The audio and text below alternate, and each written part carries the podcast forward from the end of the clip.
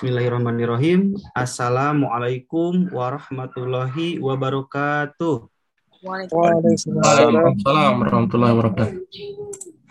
Alhamdulillah Pada pagi yang cerah hari ini uh, kita dapat bertemu pada kegiatan webinar series 2 RJI Gorontalo dengan tema di sini memaksimalkan layanan crossref di jurnal. Sebelumnya saya ucapkan selamat datang kepada yang terhormat Ketua Pengda Gorontalo, RJI Gorontalo, Bapak Muhammad Firial Akbar. Selamat siang Pak. Dalam perjalanan saya. ya, ya saya lagi di mobil ini. Oke Pak. Ya. Nah, selanjutnya eh, yang terhormat narasumber kita pada kegiatan hari ini Bapak Muhammad Ratodi. Selamat pagi Pak. Pagi Mas. Pagi Mas Ratodi. Iya. Pagi Kang. Uh, Bapak dan Ibu, uh, kegiatan hari ini uh, akan di apa namanya diawali dengan mungkin satu dua patah kata dari Bapak Ketua uh, Pengda RJI Gorontalo kepada Bapak Muhammad Firial Akbar. Kami persilahkan. Baik, terima kasih. Bismillahirrahmanirrahim. Assalamualaikum warahmatullahi wabarakatuh. Waalaikumsalam warahmatullahi wabarakatuh. Selamat pagi buat teman-teman yang berada di uh, wilayah Indonesia Barat, kemudian teman-teman yang ada di Indonesia Tengah, Selamat siang ya. Dan teman-teman kita yang ada di Indonesia Timur.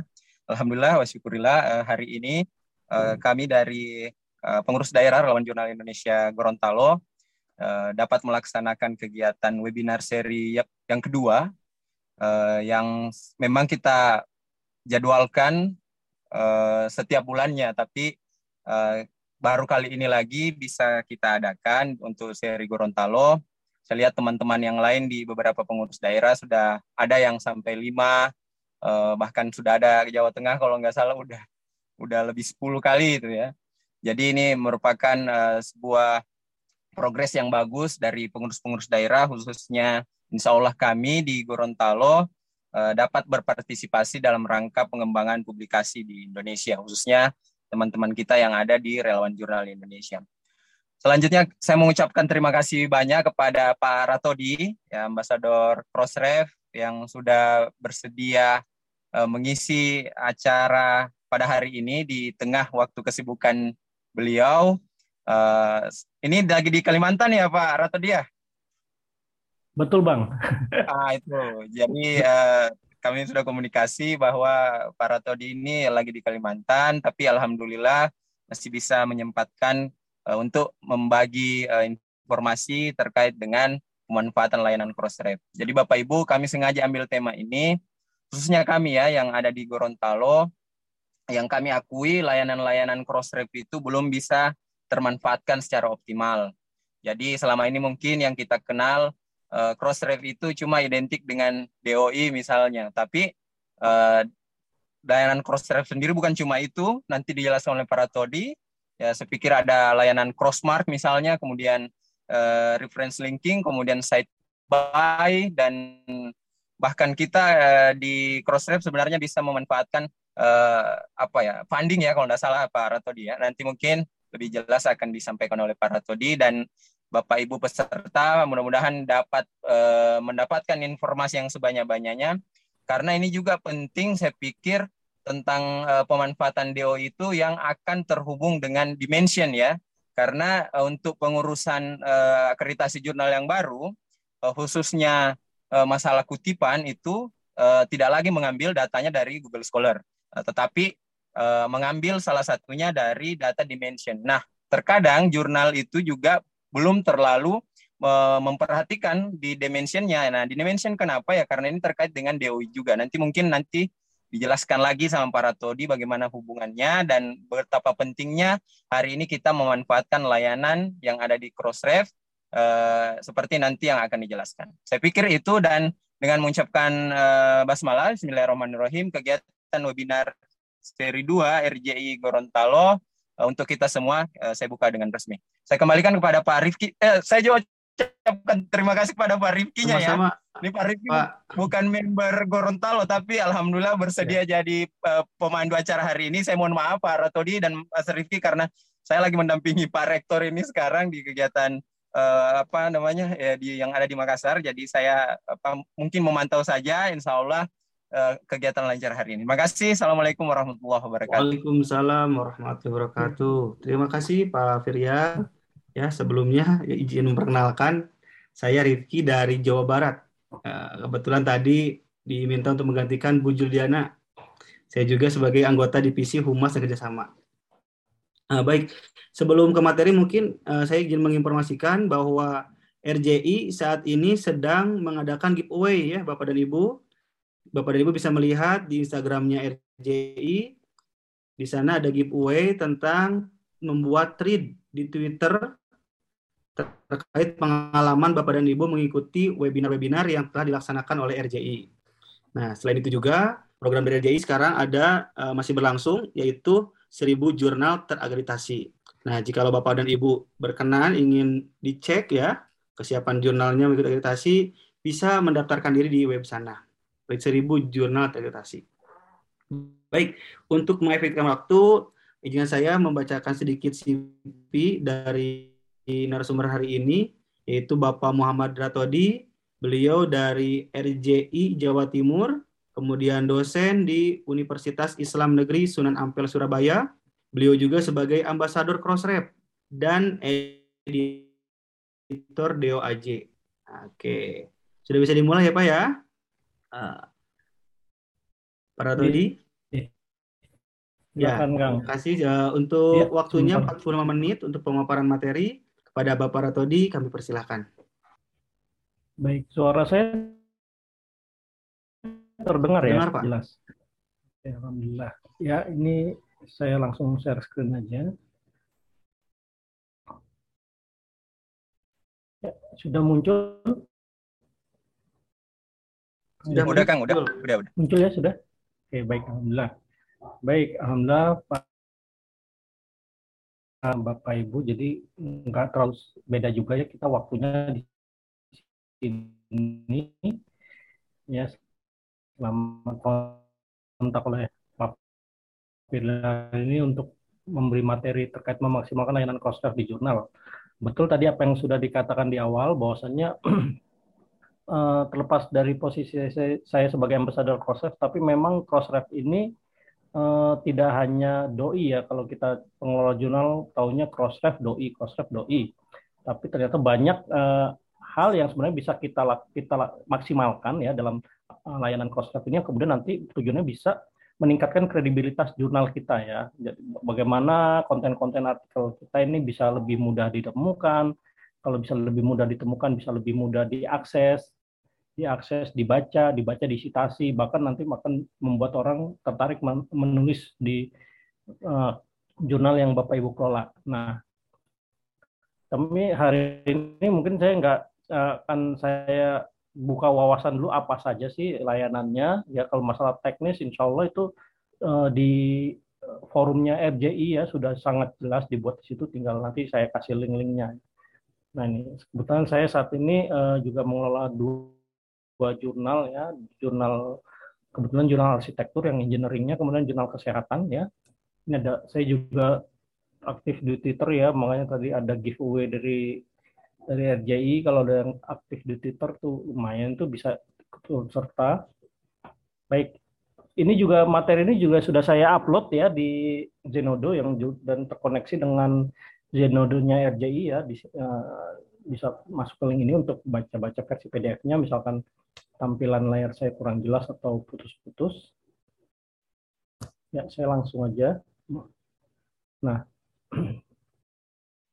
jadi uh, bicara crossref tadi, kalau yang selama itu kita kenal dengan DOI ya, itu kalau istilah dalam crossref itu content registration. Jadi meregistrasikan konten-konten yang ada di uh, jurnal kita itu namanya content registration, mengaktifkan DOI. Tapi ada crossmark di situ, ada reference linking, ada cheated by, ada metadata delivery, similarity check dan sebagainya, funding registry, event data. Nah ini penting bagi kita untuk sama-sama sebagai pengelola jurnal memahami bagaimana cara menangani konten yang sudah kita daftarkan di Crossref sehingga kemudian para pembaca jurnal kita bisa selalu menemukan dan menggunakan konten yang sudah diterbitkan. Nah ini yang pertama content registration atau doi ya mungkin sudah sudah familiar ya. Uh, Bapak Ibu menerbit jurnal, kemudian mengaktifkan doi ya. Prinsipnya uh, doi ini kan isinya met, metadata ya. Kalau misalkan Bapak Ibu mengaktifkan doi-nya melalui mekanisme upload XML ya. Biasanya kita kalau di jurnal kan ada metodenya macam-macam upload XML, bisa otomatis via plugin dan sebagainya. Nah, ketika kita mengaktifkan mengaktifkan uh, doi satu artikel, nah di dalam doi itu ada namanya metadata, data di dalam data, ya. Itu isinya isinya berbagai macam informasi yang kemudian bisa digunakan untuk mencari artikel kita ya. Dan metadata ini kemudian digunakan oleh sistem-sistem platform lain ya, platform pihak ketiga untuk kemudian mengcrawl database-nya. Nah, metadata itu buat apa sih ya? Ini eh, di Crossref itu ada namanya metadata API ya, API ya. Jadi dia untuk bisa untuk pengukuran, pengukuran apa? Pengukuran mungkin uh, mungkin apa dampak artikel ya, sitasi dan sebagainya seperti yang tadi dikatakan di awal. Bisa juga untuk me, apa mengumpulkan informasi-informasi terkait topik riset tertentu, atau menghubungkan antara satu artikel dengan artikel yang disitasinya sehingga terjalin terjalin jejaring ya jadi jejaring antara satu topik atau satu tema penelitian yang sama yang fokus yang yang sama itu terkumpul nah atau untuk sekedar untuk dicari dan ditemukan ya. Nah ini manfaatnya banyak untuk manuskrip tracking untuk konten hosting atau mungkin untuk Zotero, Mendeley dan sebagainya bibliographic management ya. Atau untuk uh, library discovery jadi ketika ada uh, apa uh, perpustakaan-perpustakaan besar gitu ya mencoba mencari data secara secara daring dia akan mereka dari metadata mencoba cari dari metadata atau untuk metrik dan analitik nah yang paling sering juga untuk menemukan kita potensi untuk kolaborasi antar penulis dan pembaca dengan topik tema yang sejenis tentunya. Atau misalnya untuk author profiling ya, untuk membuat profil author gitu ya. Biasanya kita kenal di ORCID ya. Nah, ketika kita mau memperbaiki metadata kita, uh,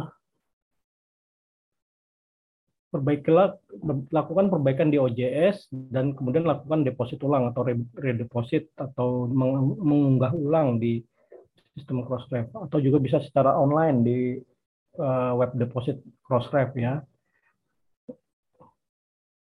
Nah, intinya nanti ketika menyerahkan ulang metadata ini melalui uh, eh, XML tadi file data-data informasi yang lama tadi akan diganti dengan yang baru dan itu nanti sifatnya free aja Bapak Ibu. Jadi ketika, kalau kita pertama mendaftarkan doi kan berbayar ya satu dolar per konten atau per do, nomor doi.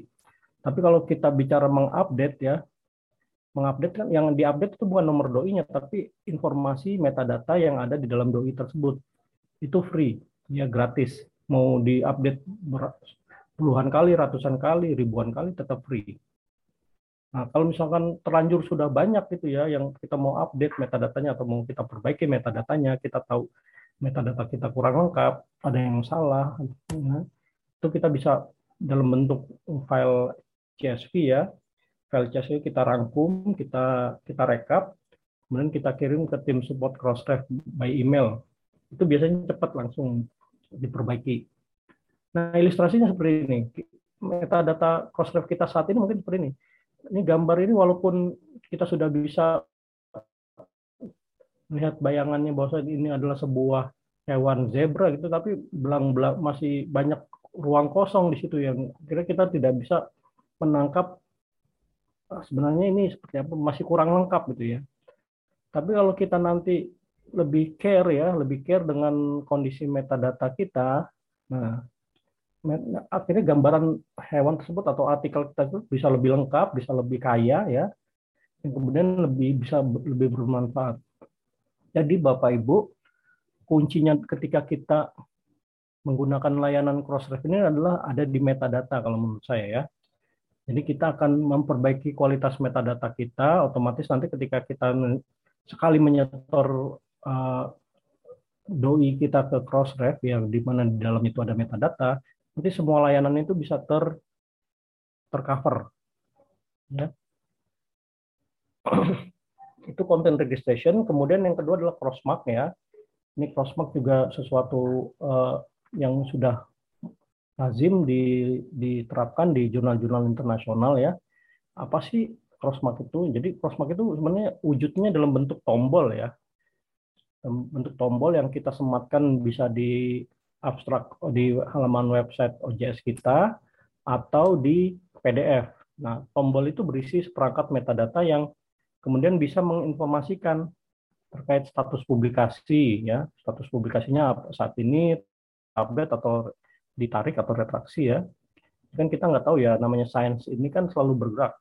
Kita publish tahun ini mungkin dua tahun ke depan sama eh, penulisnya bisa aja minta ditarik karena ternyata terjadi mal mal praktek atau mal apa ya tidak tidak ada tindakan mencederai publication etik misalkan ada plagiarisme dan sebagainya. Nah kan itu harus kita update terus. Kemudian di Crossmark ini juga kita bisa mencantumkan informasi pendonor dana atau uh, siapa yang membiayai riset tersebut dari artikel yang terbit ya, bukan bukan pembiaya jurnal tapi artikel. Di uh, artikel ini berdasarkan riset ini donornya siapa, penyandang dananya siapa. Kemudian Orchid ID, kemudian publication history ya, mulai dari submitnya kapan, yang biasanya kita tempel di tempel di mana? Di PDF ya di galinya tapi ini kita bisa secara online ya. Uh, submit kapan direview kapan uh, direvisi kapan dinyatakan kap, terima kapan dipublik diterbitkan kapan itu bisa kita cantumkan.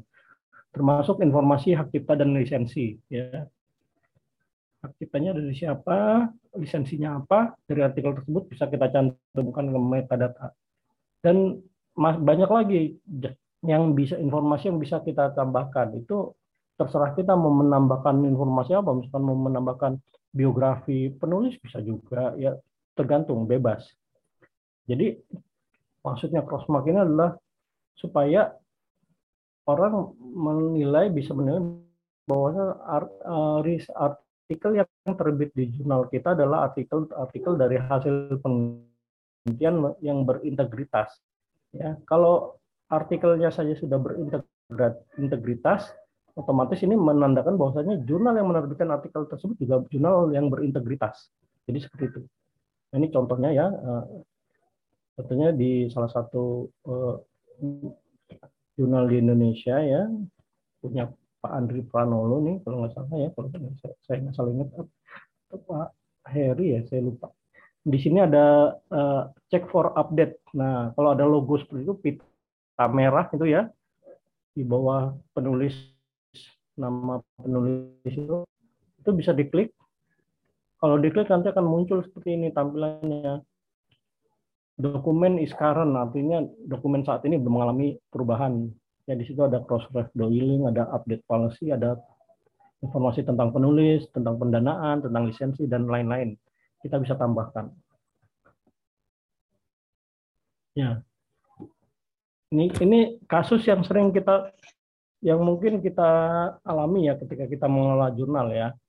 Ada addendum, ada corrigendum, ada erratum, ada expression of concern, ada removal, retraction, ada withdrawal. Ya, eh, addendum itu jadi ada informasi yang ditambahkan ke artikel ya dan ini kita informasikan kalau eh, editor merasa informasi ini sangat penting untuk diketahui pembaca tentang artikel yang diterbitkan. Jadi artikel sudah terbit tapi banyak kayaknya ada yang kurang ya ininya informasi atau uh, dalam dalam simpulannya atau apa gitu ya. Kemudian ada korrigundum. Ketika satu artikel sudah terbit, kemudian oleh pembaca diketahui ada kesalahan kesalahan misalnya kesalahan analisis, kesalahan kesimpulan dan sebagainya yang itu dilakukan oleh penulis yang kemudian mempengaruhi integritas artikel ilmiah atau reputasi dari penulis maupun jurnal, maka kemudian harus dilakukan perbaikan. Maka ketika kita melakukan perbaikan itu, kita harus melakukan informasi kepada pembaca, melakukan korrigendum. Jadi perubahan korrigendum ini perubahan, tapi inisiatif dari penulis. Kadang-kadang penulis yang sadarin, Pak kayaknya ini salah deh. Saya ada salah analisis nih, saya ada salah uh, misalkan salah dalam penarikan kesimpulan, jadi saya rubah ya Pak. Padahal udah terlanjur terbit, masa kita nggak bisa? Apakah kita harus tarik? Ya nggak mungkin kan itu itu pasti artikel sudah dibaca orang ya. Jadi kita lakukan korigundum. Tapi kalau misalkan ada juga kesalahan yang mesti dikoreksi dan itu inisiatifnya datang dari jurnal pengelola itu maka namanya eratum. Ya atau ter, uh, kalau satu artikel misalkan dicurigai terjadi pelanggaran akademik misalkan karena plagiarisme dan sebagainya dan masih dalam proses investigasi dan kita sudah melakukan korespondensi dengan penulis ya maka ini kita statusnya expression of concern. Nah, yang perlu diingat bahwanya uh, status-status publikasi ini adalah berlaku kepada artikel-artikel yang sudah terbit ya kecuali untuk withdrawal juga bisa misalkan ketika sudah disubmit di review oh ini kayaknya cacat secara akademik. Sebelum dipub, sebelum dipublikasikan kita tarik kita tidak terbitkan itu withdrawal. Bisa saja ini dilakukan kepada artikel-artikel yang memang uh, statusnya publikasinya in progress ya atau menunggu terbit. Kita sudah ungkap publik bahwasanya artikel ini akan diterbitkan pada volume ke depan nomor sekian nomor sekian tapi ternyata ada dicurigai ada cacat secara akademik maka kita withdraw kita kita cancel itu penerbitannya atau yang paling sering retraksi ya atau retraction ya karena ada masalah plagiarism atau kesalahan dalam atau double publikasi ya paling sering sudah kirim ke jurnal kita kirim jurnal jurnal orang juga ya terbit sama-sama Nah, kalau kemudian kan kita harus tarik, harus kita turunkan. Nah, mekanismenya kan nggak ketika kita tarik, oke okay lah kita hilangkan PDF-nya, kita tambahkan kata retracted pada metadata judulnya. Nggak boleh kita hapus semuanya, ya. Kalau sudah terbit, kita boleh kita tapi kita tambahkan di judulnya retracted. Nah, kemudian informasi ini, retraction ini kita harus kita harus tampilkan kan, kita harus kasih tahu pembaca kita, ya. Jangan sampai nanti orang yang sudah terlanjur membaca di sebelumnya, yang sebelum artikel ditarik, ini ke mana kok artikelnya tiba-tiba nggak ada gitu ya, PDF-nya nggak ada. Nah, kan kalau nggak ada penjelasan orang nggak tahu apa ini kesalahan dari pengelolanya atau penulisnya atau gimana. Nah, di, di mekanisme ini bisa kita jelaskan di crossmark tadi, ya. Jadi untuk update update status publikasi. Nah, mungkin ini yang belum kita pikirkan sama-sama ya. Mungkin kita tarik ya tarik aja, perbaiki perbaiki aja, ganti aja PDF-nya dengan yang baru udah selesai gitu. Kemudian nah ini contohnya lagi di jurnal uh, yang lain di Frontiers ya, bioengineering, bioteknologi Nah ini tampilannya kalau kita ada update maka uh, headernya ini jadi kuning. Kalau tadi kan hijau ya, kalau masih current ini jadi kuning.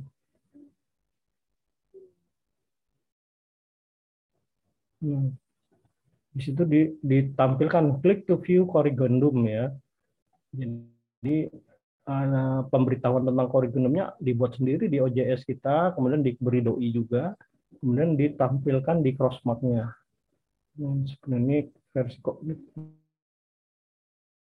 ditambahi judul corrigendum voice pathology detection and modulation spectrum optimized metric ya ada di bawahnya sebuah corrigendum pada ini pada artikel yang pertama ya yang sudah terbit ya kemudian alasannya corrigendum ada kesalahan dalam uh, aksis di gambar nomor 5 ya seperti yang dipublikasikan. Teman koreksinya seperti ini bla bla bla bla. Nah, ini bisa kita tahu kalau kita mengaktifkan crossmark ya. kalau kita nggak ngaktifkan crossmark, orang nggak tahu artikel ini telah berubah atau tidak. Nah, ini ada lima langkah dasar ketika Bapak Ibu mau mengimplementasikan crossmark ya. Satu, kita buat crossmark policy page di situs OJS kita. Nah, buat crossmark policy page ini uh, setelah kita bikin static page uh, kebijakan jurnal yang lain ya, kita gunakan fitur static page. Kemudian deposit crossmark metadata ya. Uh, tambahkan doi crossref ke web dan PDF ya. Jadi kemudian kita menambahkan tombol crossmark untuk menampilkan konten ya tombol crossmark di OJS. Kemudian deposit metadata tambahan jika ada perubahan. Nah, eh, yang nomor empat ini ketika kita, ketika kita mau menambahkan tombol crossmark ini kita perlu eh, akses eh, admin ya, admin control panel ya. Kalau kalau Bapak Ibu cuma punya akses ke OJS-nya hanya sebagai jurnal manager, rasanya nggak sulit ya kalau kita menambahkan tombol crossmark ini ke website kita. Nah, secara teknis di, di layar sudah saya tampilkan ininya, linknya untuk dibaca. Ya kalau misalkan Bapak Ibu nggak punya akses ke kontrol panel, cukup buka linknya, screenshot atau print aja panduannya, kirim ke tim IT-nya yang menghandle masalah kontrol panel OJS Bapak Ibu semuanya. Jadi cukup ikuti itu saja. Karena saya pun demikian di tempat saya juga nggak punya akses kontrol panelnya di di jurnal saya, ya saya print, saya berikan ke tim IT-nya, saya mau ada tampilan seperti ini, bisa nggak ditambahkan di jurnal saya? Nah, kemudian adalah reference linking ya.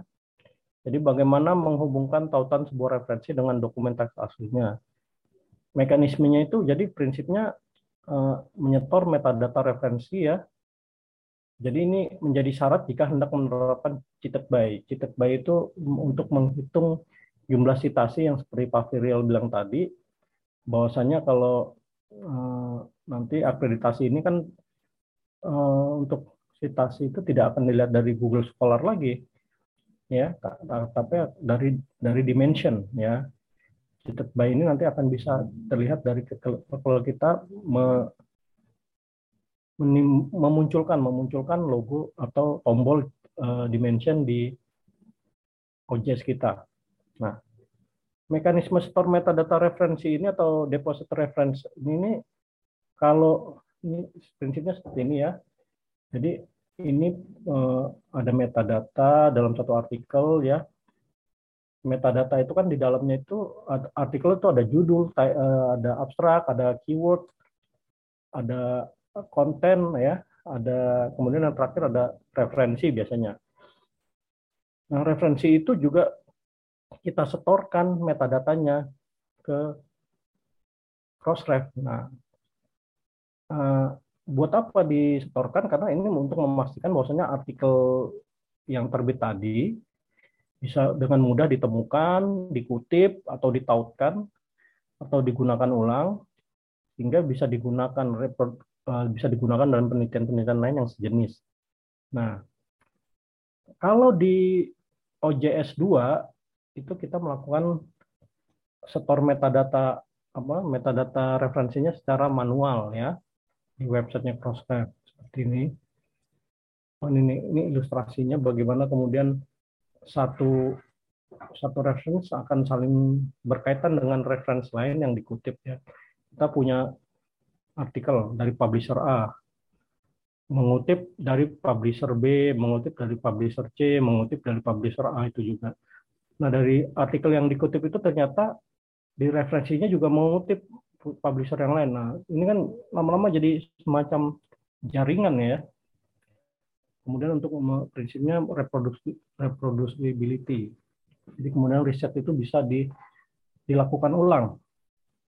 Nah, seperti saya katakan tadi dua cara Bapak Ibu mau mengimplementasikan reference linking ada pertama melalui deposit reference melalui simple text query, yang kedua plugin reference linking di OJS 3. Nah, OJS 3 itu sudah menyediakan menyediakan pluginnya. Bapak Ibu tinggal mengaktifkan. Jadi kalau sudah diaktifkan pastikan bahwasannya ketika artikel uh, pertama ada naskah masuk ke artikel Bapak uh, pada artikel jurnal yang Bapak Ibu kelola itu di bagian metadata referensinya itu sudah dipaste, sudah dicantumkan referensi dari artikel yang bersangkutan.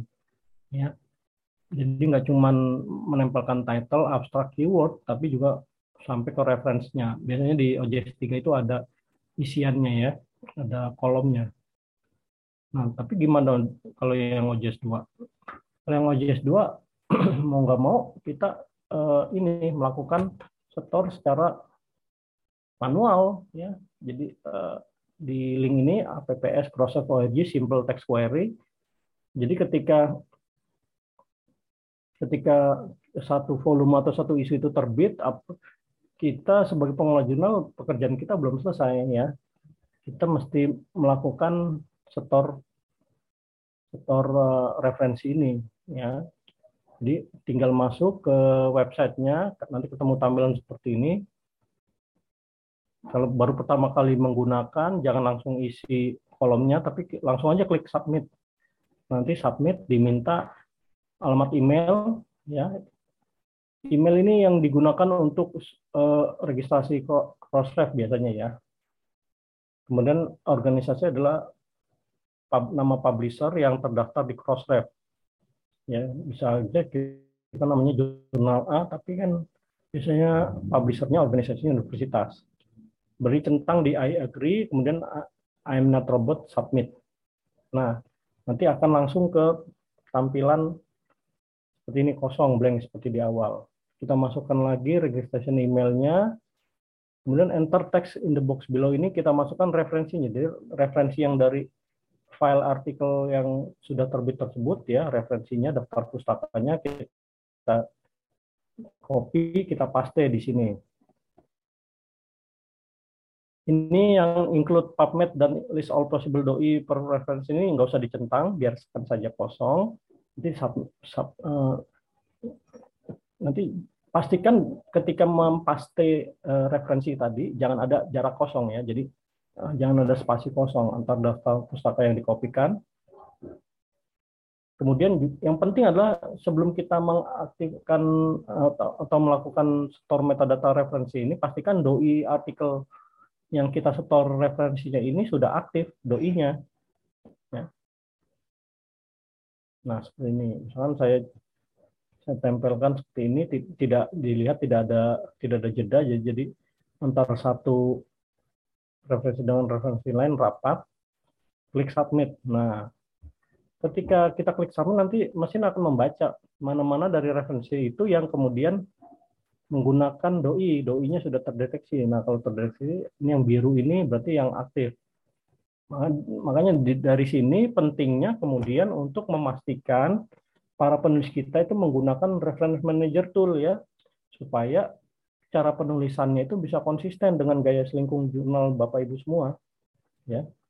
Kita pastikan supaya artikel tersebut sudah menggunakan entah itu Mendeley atau Zotero ya pokoknya pakai reference manager tool supaya referensinya ini bisa konsisten dari ketika di store metadatanya ini bisa terlacak. Kalau sudah seperti ini dari sekian banyak ini ternyata ada tiga artikelnya yang sudah ada doi aktifnya, maka kemudian deposit, klik deposit. Nah, ketika klik deposit ini akan diminta nih email address, username, kemudian password. Nah, ini diisikan dengan uh, email dan username serta password dari akun Crossref-nya. Jadi akun Crossref-nya. Jadi kalau misalkan kita oleh tidak punya akun Crossref-nya sendiri di handle oleh LP2M-nya misalnya berarti kita minta tolong untuk uh, bagian LP2M-nya untuk mengaktifkan ini gitu ya. Kemudian parent doi adalah uh, prefix atau suffix dari doi yang referensinya kita setorkan ya kan. Jadi referen itu yang kita tadi mau setor ini punya doi yang mana sih? Kita perlu cantumkan itu. Misalkan 10 titik sekian sekian sekian sekian slash uh, inisial jurnalnya seperti itu ya passwordnya itu sama dengan password yang dengan akses ke Crossref atau ketika kita melakukan deposit DOI. Nah, kalau sudah selesai, uh, kita klik klik deposit dulu ya. Nah, kalau misalkan ingin menyetorkan referensi artikel yang lain, jangan langsung back atau jangan langsung di close. Kita klik tombol reset saja. Setelah kita deposit selesai, baru kita klik tombol reset. Ya, reset artinya kemudian jadi blank lagi nanti formnya. Nah, itu udah. Nah, kalau plugin OJS 3 seperti ini tampilannya ya. Kita cari aja plugin Crossref Reference Linking plugin ya. Kebetulan ini kalau yang saya capture ini sudah sudah terinstall dan sudah up to date. Ya, tampilannya seperti ini. Kalau kita pakai OJS 3 kan ada ada ketika kita masukin metadata ya, metadata artikel ada metadata submission, ada metadata identifier, ada metadata reference. Nah, kita tinggal pastikan si author ini juga mengisikan reference ini ketika submit. Nah, kalau sudah ini nanti tinggal tinggal klik save and extract. Nah, nanti otomatis uh, metadata ini informasi ini akan menempel ke doi yang akan kita aktifkan dari artikel tersebut. Ya, jadi kita nggak perlu yang manual tadi yang di OJS 2. Nah, kemudian cheated by. Cheated by ini untuk menghitung bagaimana kemudian satu artikel ini disitasi oleh siapa dan kapan dan berapa kali. Jadi membantu para pembaca kita untuk menelusuri dengan mudah riset-riset terkait di situs lain.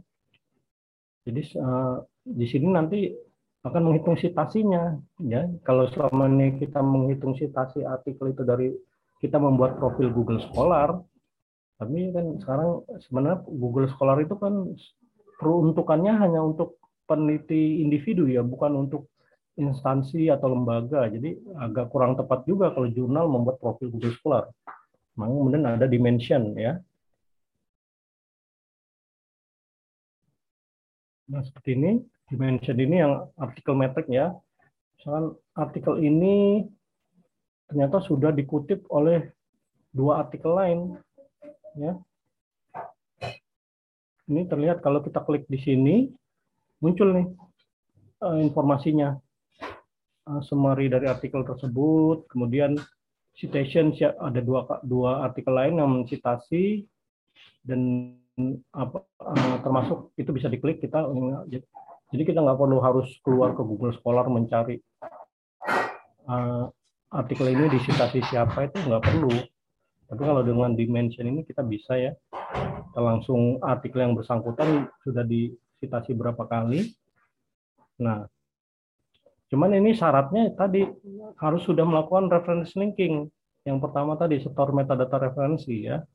Jadi uh, baik jurnal yang dikutip maupun jurnal yang mengutip atau artikel yang mengutip. Jadi sama-sama saling melakukan uh, store data store data referensi. Jadi kalau hanya salah satu saja tidak akan muncul angka citasinya di sini. Karena dasarnya melakukan perhitungan ini adalah melakukan uh, perhitungan terhadap referensi yang sudah disetorkan tadi ya.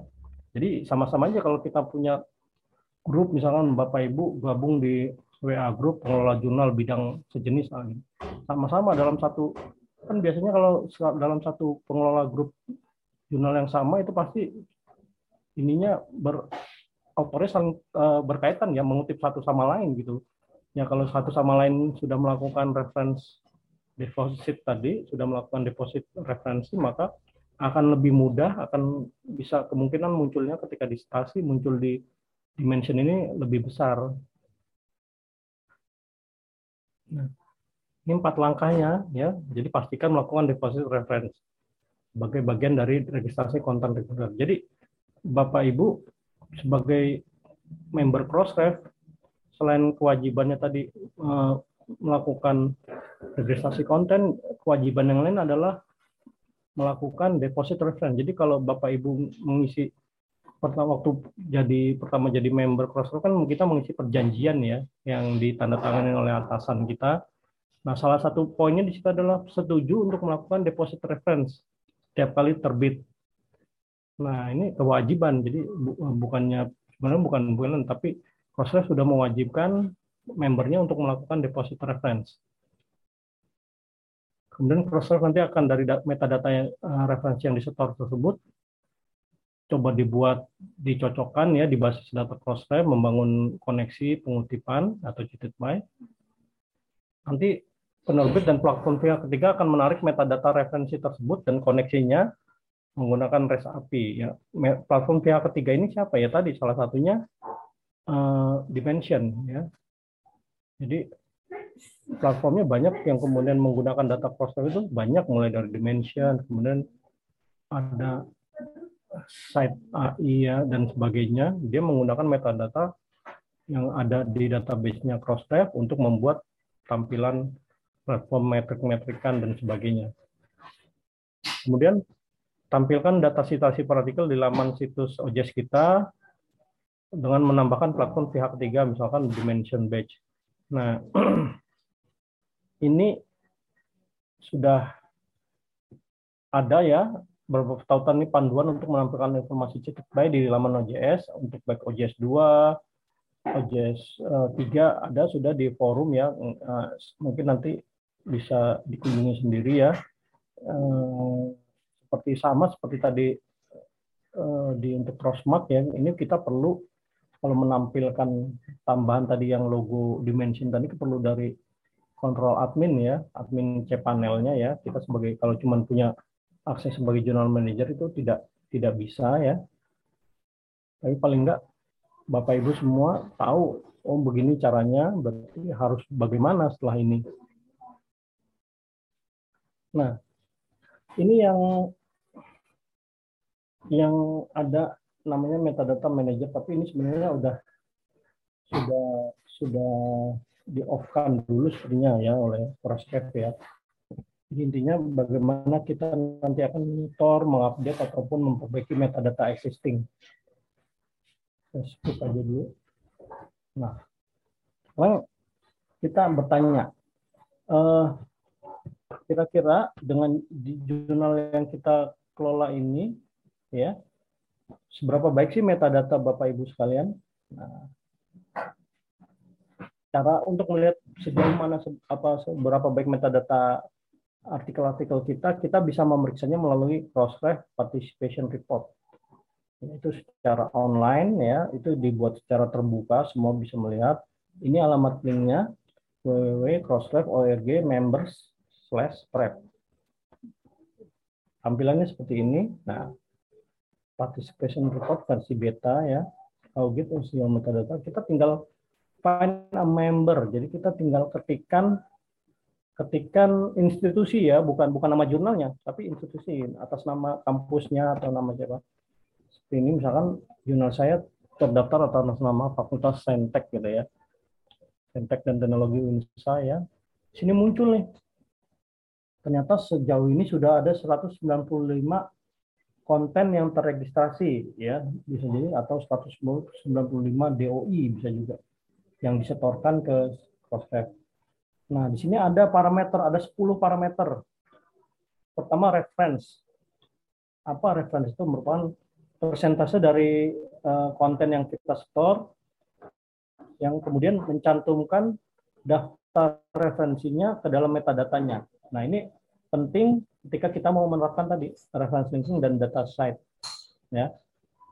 Oh, ternyata 18 persen tempat saya.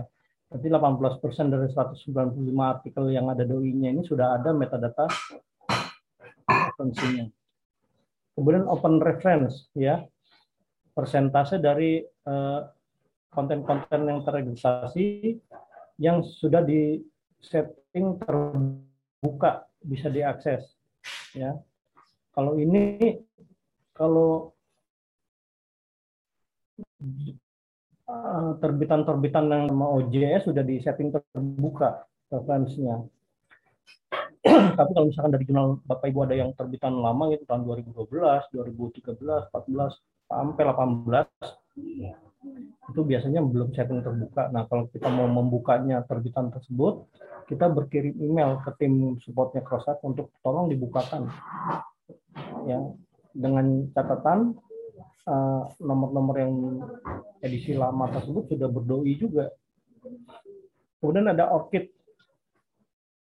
ORCID ini yang persentase dari artikel-artikel kita yang sudah mengandung metadata ORCID atau profil penulis. Maaf. ya, ORCID ID ini. dari 195 ini ternyata saya baru 6 persen ya. 6 persen dari artikel tersebut ada metadata atau metadata ORCID ID ya. Nah, ini ini mungkin nggak sepenuhnya ada di di pengelola ya karena maaf uh, ORCID ini kan ranahnya ranah penulis. Kita cuma bisa mendorong penulis kalau memang punya ORCID ID cantumkan waktu mereka submit. Funder registry artinya berapa persen dari konten-konten yang terregistrasi ini yang kemudian mencantumkan metadata nama penyandang dananya ya kan biasanya banyak tuh kita ya artikel-artikel yang terbit di jurnal kita hasil dari hibah penelitian A, hibah penelitian B, kan ada fundingnya itu ya berarti. Nah pastikan si penulis mencantumkan itu di metadata OJS-nya ketika submit ya. Biasanya kalau di OJS itu kan sponsoring organization. Nah, ada nggak diisi nggak gitu? Maaf. Kemudian funding award number ini ya, jadi nomor nomor nomor hibah tadi nomor hibah ya. Jadi ini berkaitan dengan fund registry sebelumnya. Kemudian crossmark yang sudah eh, menampilkan eh, atau mengaktifkan crossmarknya ya baru 4% dari 195 ini saya baru 4%. Kemudian text mining yang kemudian berapa persen dari total konten yang aktif itu yang sudah uh, terdiri dari atau sudah memiliki full text URL ya, link link link full textnya di metadatanya. Itu ada 85,6 86 persen maaf.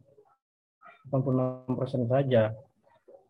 Lisensi ya metadata yang kita store itu seberapa banyak yang artikelnya yang mencantumkan metadata lisensi kalau di OJS kan ada CCBY, CCBSA dan sebagainya. Ada similarity check di sini terkait dengan berapa persen dari uh, konten yang terregistrasi ini yang sudah terdeteksi oleh Identicate ya, Identicate. Jadi dari 195 ini 86 persennya sudah terdeteksi di mesin Identicate di database-nya Identicate sehingga nanti ketika ada artikel lain kemudian di scan menggunakan menggunakan uh, Identicate uh, yang 86 persen ini masuk ke dalam database mereka ya. Kemudian abstrak berapa persen kemudian artikel uh, yang disetorkan DOI-nya ini sudah mencantumkan metadata abstrak ya tentu baru 95 persen ini terjadi mungkin saja karena uh, mungkin karena sweet apa quick submit seperti itu ya. Kita langsung langsung publish gitu quick submit. Kalau quick submit kan uh, khawatirnya banyak metadata metadata dasar yang kemudian tidak tercantum terus kita langsung publish kita aktifkan DOI-nya Nah, sebagai uji coba ya, uh, saya mau lihat anggota cross yang berasal dari uh, Gorontalo ya. Uh, kalau sekilas saya kemarin lihat ada sekitar 20-an, 20 ya. Uh, cuman saya pakai keyword Gorontalo saja, jadi biar lebih spesifik. Jadi mungkin kalau ada kampus atau institusi lain yang dari Gorontalo tapi tidak menggunakan kata Gorontalo, di situ mungkin tidak ter, tidak tercantum di sini. Ya. Ini saya saya statistikkan jadi rata-rata kelengkapan metadata member cluster Gorontalo by persen ya mungkin bisa jadi masukan juga buat uh, tim RJI Gorontalo ya di mana harus kemudian melakukan sosialisasi dan sebagainya. Jadi dari 20 institusi yang saya temukan ya jumlah konten terregistrasinya totalnya itu ada 2264 DOI ya. Saya asumsikan itu DOI ya. Di mana dari 2264 itu hanya 3,53 persen saja yang ada metadata referensinya. Jadi ini masih sangat rendah untuk terkait skor metadata referensi ya. Tapi kalau yang terkait keterbukaan referensi ya uh, referensinya sudah di set terbuka itu sudah 100 persen baik.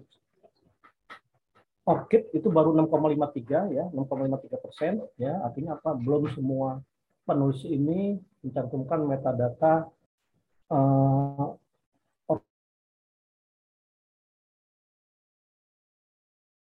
ranahnya si pengelola jurnal ya. Kita kan kita hanya bisa mengingatkan mengingatkan penulis kalau memang sudah punya ORCID ID cantumkan di metadatanya ketika mereka submit kemudian fundernya masih nol jadi artinya funder fund award ini berkaitan jadi belum ada satupun artikel yang mencantumkan metadata sponsoring organization atau penyandang dana pada metadatanya. Nah ini padahal kan rata-rata mungkin kita sering banget ketemu artikel yang terbit dari hasil hibah penelitian kampus A, kampus B gitu ya. Nah, sebaiknya kita mulai ingatkan atau mulai ingatkan penulis untuk mencantumkan sponsoring organization pada artikel yang dia submit ke jurnal kita. Atau mungkin kita bisa mengkonfirmasikan ini penelitiannya dibiayai oleh siapa yang bisa kita update di ketika di metadata artikelnya. Crossmark ya, crossmark belum ada ya. Tadi panduannya sudah jelas, saya berikan di linknya ya di situ. Kemudian text mining ya, jadi full textnya sudah cukup tinggi 96 persen, 96,84 persen dari 2264 ini sudah ada full textnya metadata full textnya mungkin sisanya ini quick submit atau apa ya. Saya nggak paham. Uh, kemudian lisensi ini lisensi yang masih rendah ya. Masih 50 persen. Sedikit ya 50 persen dari 2000 mungkin berarti sekitar seribuan ya baru seribuan artikel itu yang mencantumkan lisensi URL, URL lisensi ya di ini. Gimana cara mencantumkan lisensi URL pastikan aja plugin lisensi kita aktif. Ya kan eh, kalau di setiap halaman abstrak itu ada ya lisensinya apa copyrightnya siapa. Untuk similarity check ini seharusnya juga sudah cukup baik ya sudah 96% dari 2264 ini sudah masuk ke database-nya certificate ya abstrak juga 96,74 persen berarti masih ada 3,26 persen yang artikel yang tidak ada metadata abstraknya. Nah ini kan secara ini secara overall dari member Crossref di Gorontalo. Coba kita lihat berdasarkan institusinya masing-masing breakdownnya seperti ini. ini metadata referensi ya dan dari jadi yang sudah melakukan yang biru itu adalah eh, kontennya yang oranye itu adalah persentasenya ya jadi kalau yang referensi ini ternyata baru satu member aja yang dari 20 member itu yang melakukan apa penyetoran metadata referensi yaitu Fakultas Teknik Universitas Negeri Gorontalo. Sedangkan yang lainnya belum, ya. Tapi kalau open reference ini saya sudah semua ya, karena ini sudah otomatis biasanya ya. ORCID, nah ORCID ini kita lihat masih uh, belum semua ya. Semua. Bahkan yang yang saya aneh di di sini ketika saya melacak ini ada satu member atas nama Pusat Bahasa IAIN Sultan Amai Gorontalo. Kira-kira ada nggak pengelolanya di sini? Ya. Ini belum sama sekali ada konten yang diregistrasikan. Ya, saya nggak paham eh, problemnya apa. Ya, dia dia tidak punya konten yang diregistrasikan. Padahal sebagai member ini kan ada annual fee yang seperti kita tahu ya ada biaya tahunan. Tapi kalau kita sudah melakukan biaya tahunan tapi kita tidak mengaktifkan kan sayang banget ya. Funder belum ada ya. Crossmark juga belum ada seperti tadi. Nah ini yang terkait uh, metadata full text-nya ya. Dilihat di sini yang paling banyak. Nah, jadi seperti ini. Uh, saya di sini lihatnya uh, banyak Universitas Negeri Gorontalo ini banyak member dari Universitas Negeri Gorontalo, tapi kemudian mendaftar mendaftar sebagai fakultas, ya sebagai fakultas. Uh, bahkan ada yang mendaftar sebagai jurnal, ya. Nah, idealnya satu kampus itu cukup satu satu di cross ya jadi nanti ketika satu uh, universitas itu sebagai satu member, dia mendistribusikan sufik-sufiknya kepada jurnal-jurnal atau fakultas-fakultas di bawahnya. Ya. Jadi, uh, kalau seperti ini kan saya lihat yang di Universitas Negeri Gorontalo ini ada hukum, ada kemudian fakultas olahraga, ada teknik, ada animal husbandry dan sebagainya. Tapi nggak apa-apa ini saya tampilkan saja. Kemudian ini lisensi ya baru 50% konten yang mencantumkan lisensi di metadatanya. Ya. Kayak jurnal telaga bahasa kantor bahasa Gorontalo itu yang dia 80 DOI atau 80 konten aktif 80-nya 100%-nya sudah mencantumkan lisensi tapi misalnya seperti Universitas Negeri Gorontalo ada 474 konten yang terdaftar atas nama Universitas Negeri Gorontalo, tapi hanya 75 saja yang 75 persen saja yang ada lisensi eh, metadata lisensi di doi yang didaftarkannya atau diaktifkannya. Ini juga sudah cukup baik ya 96,8 persen sebenarnya dicek. Abstrak ini juga ya. Ini saya. Jadi eh, secara overall, jadi masih banyak fitur layanan Crossref yang belum termanfaatkan dengan baik oleh para member Crossref di Gorontalo. Padahal intinya fitur layanan tersebut akan membantu jurnal Bapak Ibu semua lebih kredibel serta memperluas jangkauan diseminasi dari artikel-artikel yang terbit di jurnal Bapak Ibu semua. Nah, so jadi apa yang bisa kita lakukan? Maka mulai hari ini, mulai siang ini ya, setelah ini, mulai memperhatikan kualitas dan kelengkapan metadata artikel yang akan dipublikasikan dengan melakukan partisipasi dalam setiap layanan Crossref. Ya, free ya. Jadi selain DOI, layanan Crossref yang lain ini adalah free, gratis. Jadi jangan khawatir nanti dikena cas ya. kalau dulu mungkin tahun 2019 eh, 2020 ke atas itu kalau kita mau mengaktifkan crossmark itu berbayar 0,5 dolar per artikel yang di crossmarkan tapi semenjak tahun 2000 ini free ya jadi yang berbayar itu hanya DOI-nya saja tapi yang lain free nah ini kalau sudah free ini kan sayang kalau kita tidak manfaatkan Nah ini, eh, saya suka quote ini, jadi more metadata, more visibility, greater discoverability. Ini coba kita terapkan di jurnal yang Bapak Ibu kelola ya, dengan melengkapi metadata, sehingga akan meningkatkan visibilitas dari artikel dan jurnal Bapak ya, Bapak Ibu kelola, eksistensinya lebih mudah ditemukan. Jadi seperti itu.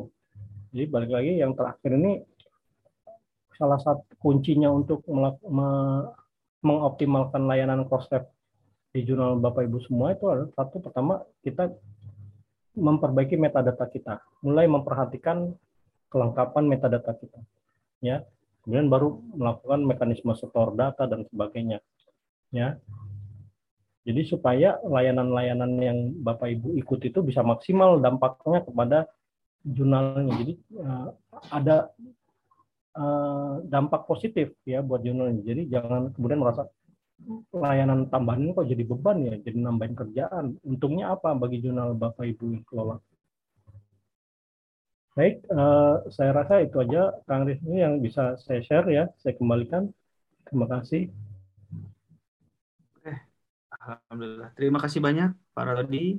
Baik, Bapak dan Ibu, jika ada yang ingin ditanyakan, boleh raise hand atau tulis di kolom chat ya. Ah, di sini ada satu nih, Pak Rodi yang bertanya. Ya. Dari Pasar Moko. Pak, mohon maaf belum paham untuk metadata reference. Poin satu, bagaimana untuk meningkatkan skornya? Metadata reference ya. Baik, metadata ya, reference ya, itu ya, Pak. Ya Pak Muhammad, Pak Muhammad ya. itu saya juga nggak ngerti ini Pak Mustafa. Saya kan dari UIN Jambi. Eh, kami itu baru hmm. belum ada eh, doinya belum ada di jurnal kami. Belum ya, ada apa Pak? Pak? Belum ada. Doinya belum punya Pak. Oh doinya belum punya. Belum punya Oke. kami doi.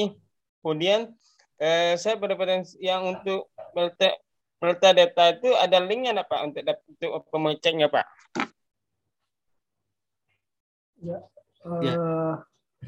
Kalau syarat untuk melakukan layanan doi ini semua harus member cross dulu ya, harus ada doi-nya dulu. Makanya tadi ketika hmm. kita metadata reference, reference cited by dan sebagainya, pastikan doi-nya sudah aktif ya.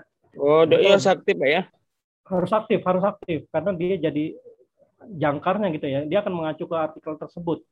Kalau hmm. nggak aktif, ketika kita klik error, ya percuma aja kita uh, tadi store metadata referensi, tapi induknya error istilahnya gitulah. Induk. Yeah, yeah. Doi kita ini sebagai induknya. Nah, kemudian pertanyaan tadi, bagaimana meningkatkan skor metadata reference?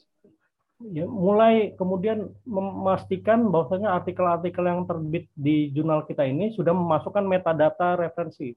Jadi daftar pustakanya di, ditempel ya di kolom metadata ya kalau di OJS 2 itu ditempel ya ditempel kemudian kita uh, bisa uh, store secara manual tadi menggunakan web deposit eh, apa simple text query maaf pakai simple text query ya. Tapi kalau misalkan sudah OJS 3 tinggal kita aktifkan pluginnya. Jadi seperti itu. Jadi lebih mudah di OJS 3 memang. Begitu Kang Rifki. Ya bagaimana pasar moko? Cukup dipahami? Apakah masih bergabung? Terima kasih Pak. Yang lain barangkali untuk Pak Musyafa untuk DOI sudah saya share linknya di chat ya Pak ya. Bapak bisa apa namanya minta bantuan ke doi.relawanjournal.id. Di sana udah ada panduannya Pak untuk uh, apa namanya member DOI dari Crossrep. Baik kepada Ibu, apakah ada yang menanyakan lagi? Untuk daftar hadir, saya share di kolom chat ya linknya Bapak dan Ibu. Ya, dari materi yang sudah saya apa sudah para tuh disampaikan itu banyak sekali ternyata ya fitur-fitur atau layanan yang ada dari Prosep ya Pak.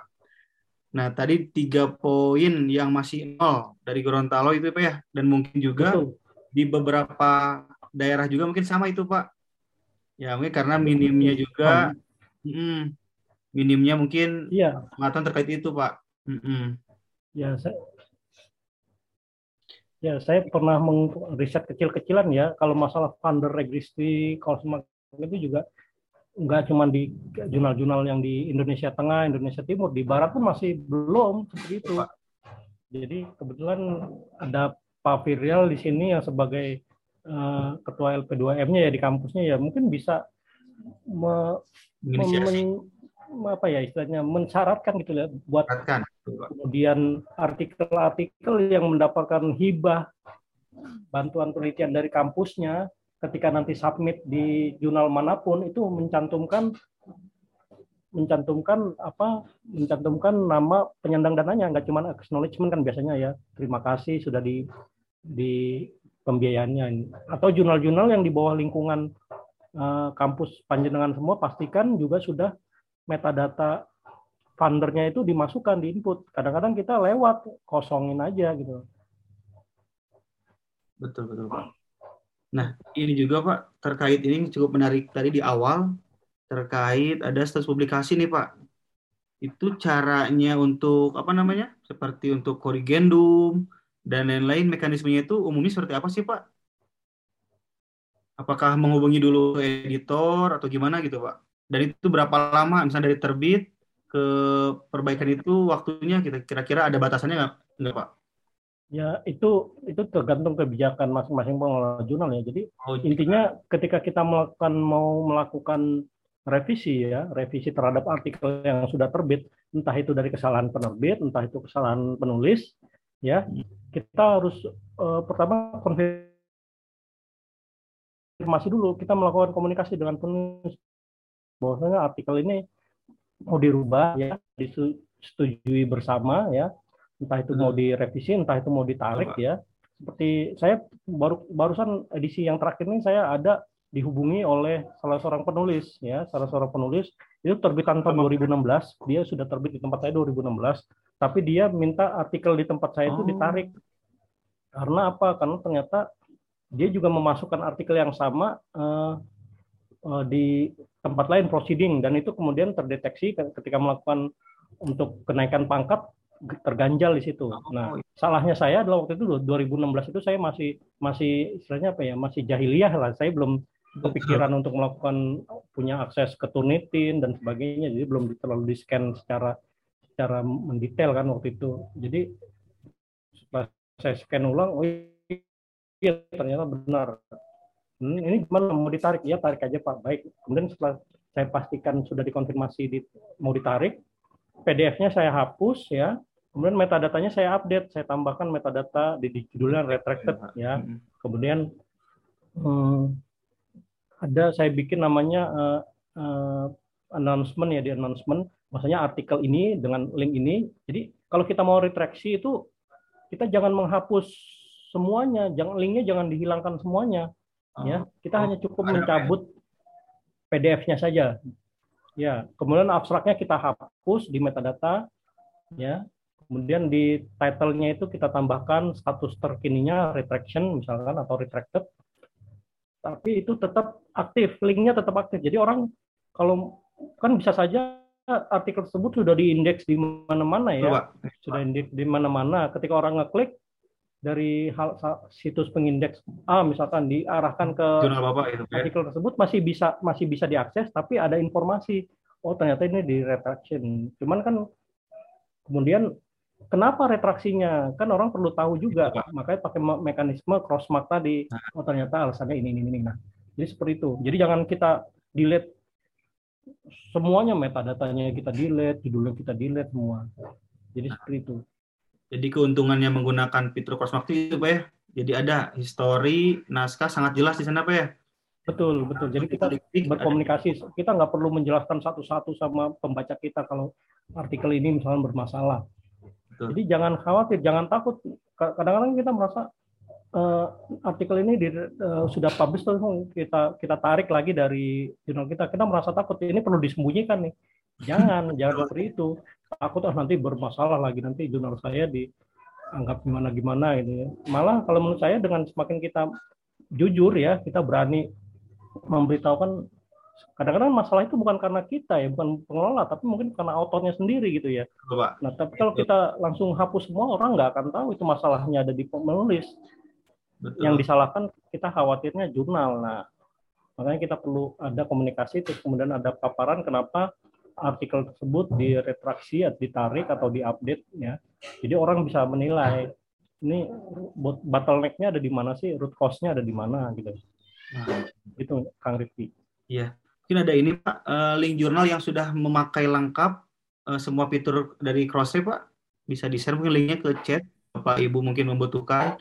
Jadi jadi apa namanya acuan gitu kan. Jurnal ini loh udah lengkap menggunakan semua fitur dari Crossref gitu Pak. Uh, ada nggak Pak? Misalnya yang udah saya ingat dulu. Saya hmm. kalau di rata-rata kalau jurnal internasional yang terbitan publisher besar itu sudah. Dari Elsevier dari Springer itu sudah. Ya tapi kalau dari Indonesia ini mungkin tadi yang saya sharing tadi IJAIN itu tadi International Journal of Artificial Intelligence itu bisa sudah. Ijain. Nah, Bapak Ibu dari jurnal Ijain mungkin tuh ya Bapak Ibu menjadikan acuan brand apa namanya benchmark gitu ya. Ke sana Bapak dan Ibu. Nah, untuk terkait jadi juga apa retraksi Pak ya dari Kemendikbud juga sudah ada sebetulnya webnya Pak ya Anjani kalau nggak salah. Anjani betul. Retraction tapi tadi saya cek nggak aktif itu. Hmm. Jadinya belum. Ya kalau di Indonesia Anjani, di Indo di internasional tuh Retraction Watch ya. Nah itu Pak Ibu. Jadi tidak perlu malu jika ada kesalahan, akui saja, ikuti panduannya gitu Bapak Ibu ya. Nah, kemudian ada juga pertanyaan Pak dari chat nih Pak, Bapak Nofri. Mohon info tentang Founding Award. Bias, bisa, biasanya malu untuk mencantumkan karena penelitian dan penulisan artikelnya dibiayai mandiri. Padahal pelaksanaan penelitiannya di laboratorium. Thanks. Hey. Pak. Uh, sebenarnya saya nggak paham juga kenapa mesti malu ya kalau mandiri gitu ya. Hmm. Uh, kalau mandiri pun kita dikosongkan saja nggak masalah gitu ya. Jadi uh, sebenarnya fund, funder funder regresi ini kalau saya lihat kepentingannya malah untuk institusi ya bukan hmm. untuk peneliti atau pengelola jurnal tapi institusi misalkan ketika saya sebagai seorang uh, ketua LP2M gitu ya, saya mau melacak artikel-artikel yang terbit dari hasil hibah penelitian tahun ini gitu ya. Betul. Saya kan kalau ngetikin nama penulisnya satu-satu kan nggak mungkin ya. Sekian banyak dosen, sekian banyak uh, peneliti. Maka saya cukup ketikkan nama kampus saya. Nah dari situ muncul langsung atas nama kampus-kampus yang mencantumkan uh, ref, apa fundingnya tadi, lembaga fundingnya ya akan muncul daftar artikelnya, penulisnya. Oh, berarti benar nih sesuai dengan target luaran waktu diberi hibah. Target luaran katanya mau terbit. Nah, jadi menurut saya sih nggak usah malu ya kalau misalkan tidak ada penelitiannya kosongkan Betul, saja ya. Tapi ini eh, khususnya untuk kemudian para teman-teman dosen atau peneliti yang kemudian hibah penelitian ya, jadi melakukan hibah penelitian pendanaannya dari dari kampus atau dari kementerian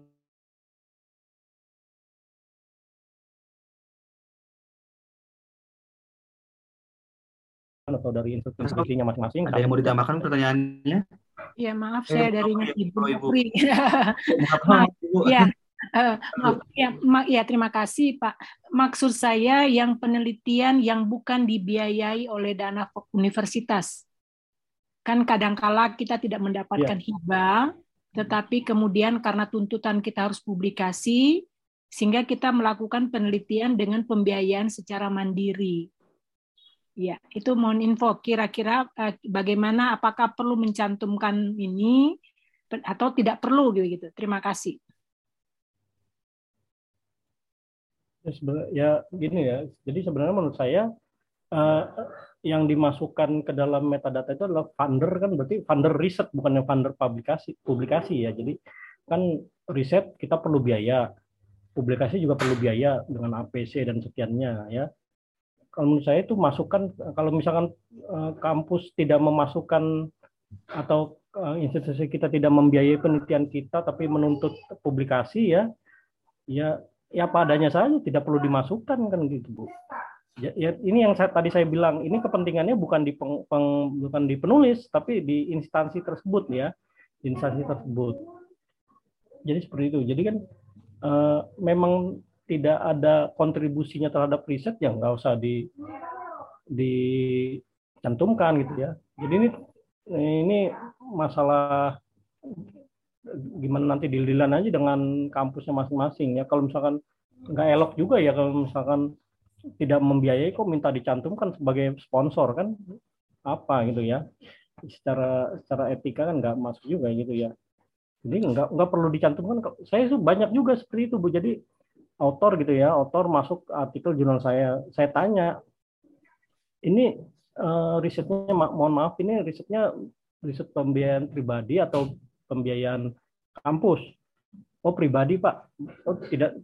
Kemudian itu tidak saya isikan metadata sponsoring organization-nya ya. ya. Jadi saya saya kosongkan saja gitu, nggak masalah. Nah, tapi kalau misalnya iya Pak ini hiblah penelitian, penelitian dari mana? Dari kampusnya Kak. Oke, saya izin saya mencantumkan, saya tambahkan metadatanya ya, metadata dari nama kampusnya ke dalam. Iya Pak, silakan. Nah, ya biasanya kan kalau uh, kalau jurnal-jurnal itu ada di bagian sectionnya acknowledgement ya, ucapan terima kasih. Ya kalau di dalam ucapan terima kasih itu sudah mencantumkan terima kasih kepada uh, kampus yang telah membiayai bla bla bla bla, kita bisa berasumsi bahwa di situ sebaiknya dicantumkan juga di metadata. Gitu. Jadi enggak jangan nggak usah terlalu dibikin ribet juga bu. Jadi kalau memang tidak berkontribusi ya nggak dicantumkan nggak apa-apa. Ini seperti itu. Yang rugi itu sebenarnya institusinya bukan bukan pem, bukan penelitinya atau bukan pengelola jurnalnya sebenarnya. Ya funding itu tadi. Ya atau bisa juga kita eksis gitu ya sebagai peneliti dapat hibah penelitian dari eh, dari institusi luar negeri gitu ya, USAID misalkan gitu ya.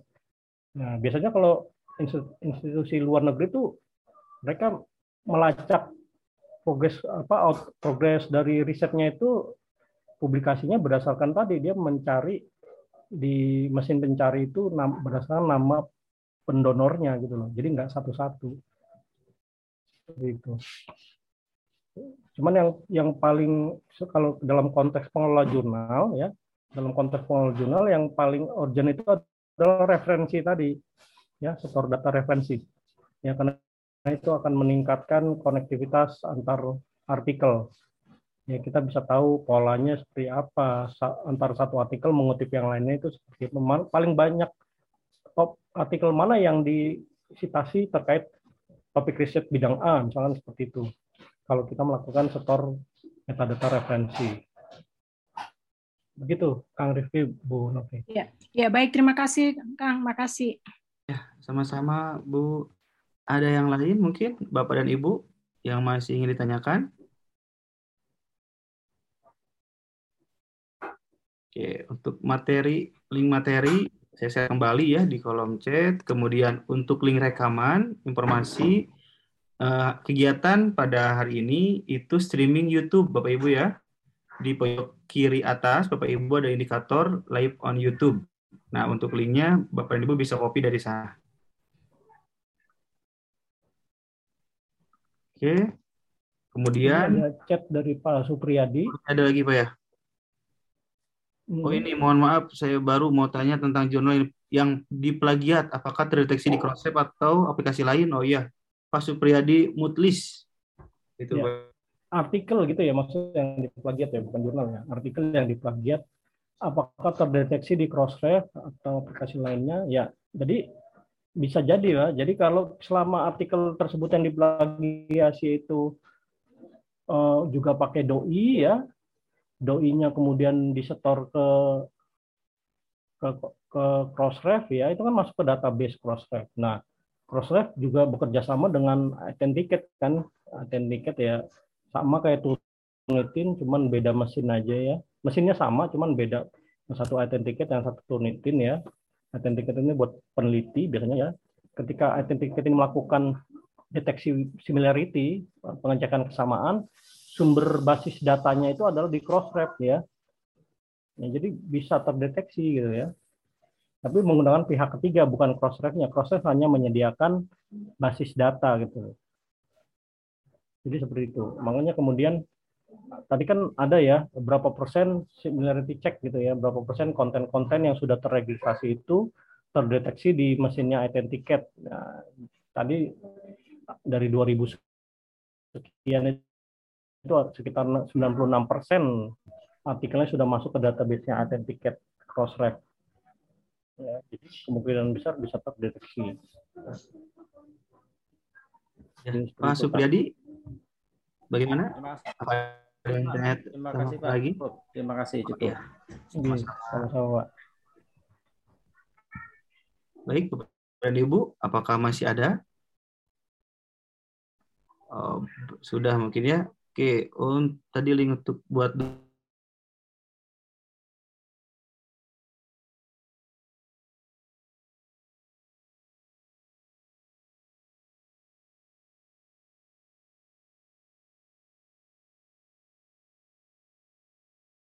mungkin oh, Bu Lucia uh, maaf tadi loh uh, kalau jangan malu-malu. Bagaimana caranya membuat doi sebagai akar itu bisa lihat di apa tadi itu lupa namanya saya. Iya, terima kasih. Oh iya. Untuk daftar DOI tadi di webnya RJI aja langsung Bu. Di sana ada panduannya lengkap Bu ya. DOI itu Digital Object Identifier Bu.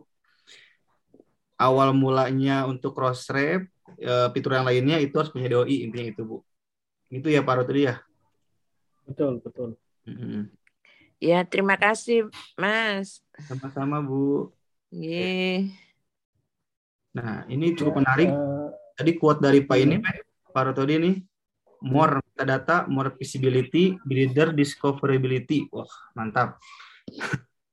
Jadi Bapak dan Ibu, nah untuk tadi di awal sudah disampaikan oleh para Todi bahwa update metadata DOI itu gratis ya Pak ya? Betul. Free itu ya. Jadi nah mulai dari sekarang, nah setelah mengetahui ilmu baru dari para Todi, mungkin Bapak dan Ibu bisa memperbaiki metadata yang dirasa kurang lengkap dan kemudian diupdate ke Crossref gitu. Mungkin ada yang tambahkan lagi, para Todi? Ya, jadi uh, mulai sekarang juga ketika kita mungkin selama ini kita memperhatikan konten artikel ya, betul itu betul. Karena betul. itu terkait dengan jurnal kita, bagaimana tata gaya selingkung dan sebagainya. Nah, tapi sebelum itu sebelum kita klik tombol publish di jurnal kita, hmm. kita ada baiknya kita cek dulu metadata tiap-tiap artikel yang kita mau publish. Sudah lengkap betul, sudah benar betul. Ya sudah benar apa enggak? Ya jadi uh, apakah ada yang kelewat? Yang paling sering itu kejadian autor ya penulisnya tiga di PDF-nya tiga atau di naskahnya tiga tapi di metadatanya cuma satu karena yang satu cuma satu orang. Ya nanti dikomplain ya. Nanti udah terlanjur publish kita unpublish dulu kita edit lagi. Nah jadi takutnya ketika salah itu salah kemudian kita aktifkan doinya. Berarti kan yang record di di crossref itu yang yang metadata yang salah tadi ya. Jadi pastikan sebelum sebelum melakukan tombol klik tombol publish itu kita cek dulu metadatanya semua sudah terisi dengan lengkap dan benar konsisten ya. Kalau misalkan nama afiliasinya pakai bahasa Indonesia ya konsisten gitu ya. Jadi metadatanya juga konsisten. Ya jadi seperti itu. Jadi uh, intinya tadi semua free, tidak untuk merepotkan, tidak untuk menambah beban kita sebagai pengelola jurnal. ya, tapi ini uh, insya Allah juga bisa berdampak baik ya dengan dengan uh, kredibilitas jurnal kita ya yang kita kelola. Iya. Oke. Okay. Begitu. Jadi ya, selamat bereksplorasi lah pokoknya intinya. Nah, untuk linknya juga sudah Pak Roto disampaikan di uh, materinya Bapak Ibu ya. Ada beberapa link untuk tutorial, menambahkan site by tadi, kemudian dimension, itu ada di file materinya. Nah, Bapak dan Ibu mulai sekarang mungkin bisa mengeksplor. Nah, jika ada kendala atau apa namanya kesulitan, Bapak Ibu bisa menghubungi. Nah, yang dari Gorontalo mungkin bisa ke Pengda Gorontalo atau bisa langsung menghubungi para todi langsung. Begitu. Siap. Iya, Pak Rudi ya. Tidak ada lagi Bapak Ibu yang tanyakan? Oke, kalau tidak ada, saya menginformasikan lagi sedikit terkait kegiatan RJI. Uh, eh, apa namanya? Sedang ada giveaway ya, Bapak Ibu. Silakan Bapak Ibu membuat tweet di Twitter terkait webinar yang telah dilaksanakan oleh RJI. Nah, untuk info lengkapnya ada di Instagramnya Relawan Jurnal Indonesia. Ya, silakan Bapak Ibu di sana membuat tweet yang biasa main Twitter Oh, Bu Nopri mengacungkan tangan gimana, Bu? Eh, maaf saya mau tanya, Mas. Ya. Kalau ya, kalau misalnya ada pemula yang belum memiliki orsid. Oke. Okay. Ya, ya, biasanya ini mahasiswa untuk terakhir harus memasukkan artikel dan mereka belum memiliki data orsid. Nah, sebaiknya apakah menuliskan email ini pribadi google.com ataukah email institusi misalnya eh, ada ACID-nya gitu. Mohon info. Terima kasih. Menuliskan di mana Bu Novi maksudnya? Email Untuk di ORSID. Di metadatanya. Oh, di ya, di ORSID, di ORSID supaya bisa mendapatkan data ORSID. Nah, ini ID ORSID-nya. Oh iya ya. Seingat saya sih kalau ORCID bisa juga kita pakai uh, yang domain bebas ya gmail.com bisa juga seperti itu. Jadi tidak perlu seperti Google Scholar kan harus pakai email institusi ya. Tapi kalau Orchid bisa pakai uh, Gmail. Ya. Intinya kan nanti email itu nanti akan yang dipakai digunakan untuk berkorespondensi dengan pihak Orchid ketika ada update, ketika ada pemutakhiran data dan sebagainya. Jadi uh, cantumkan email yang biasa kita akses gitu ya atau teman-teman mahasiswa akses. Itu. Terima kasih Mas.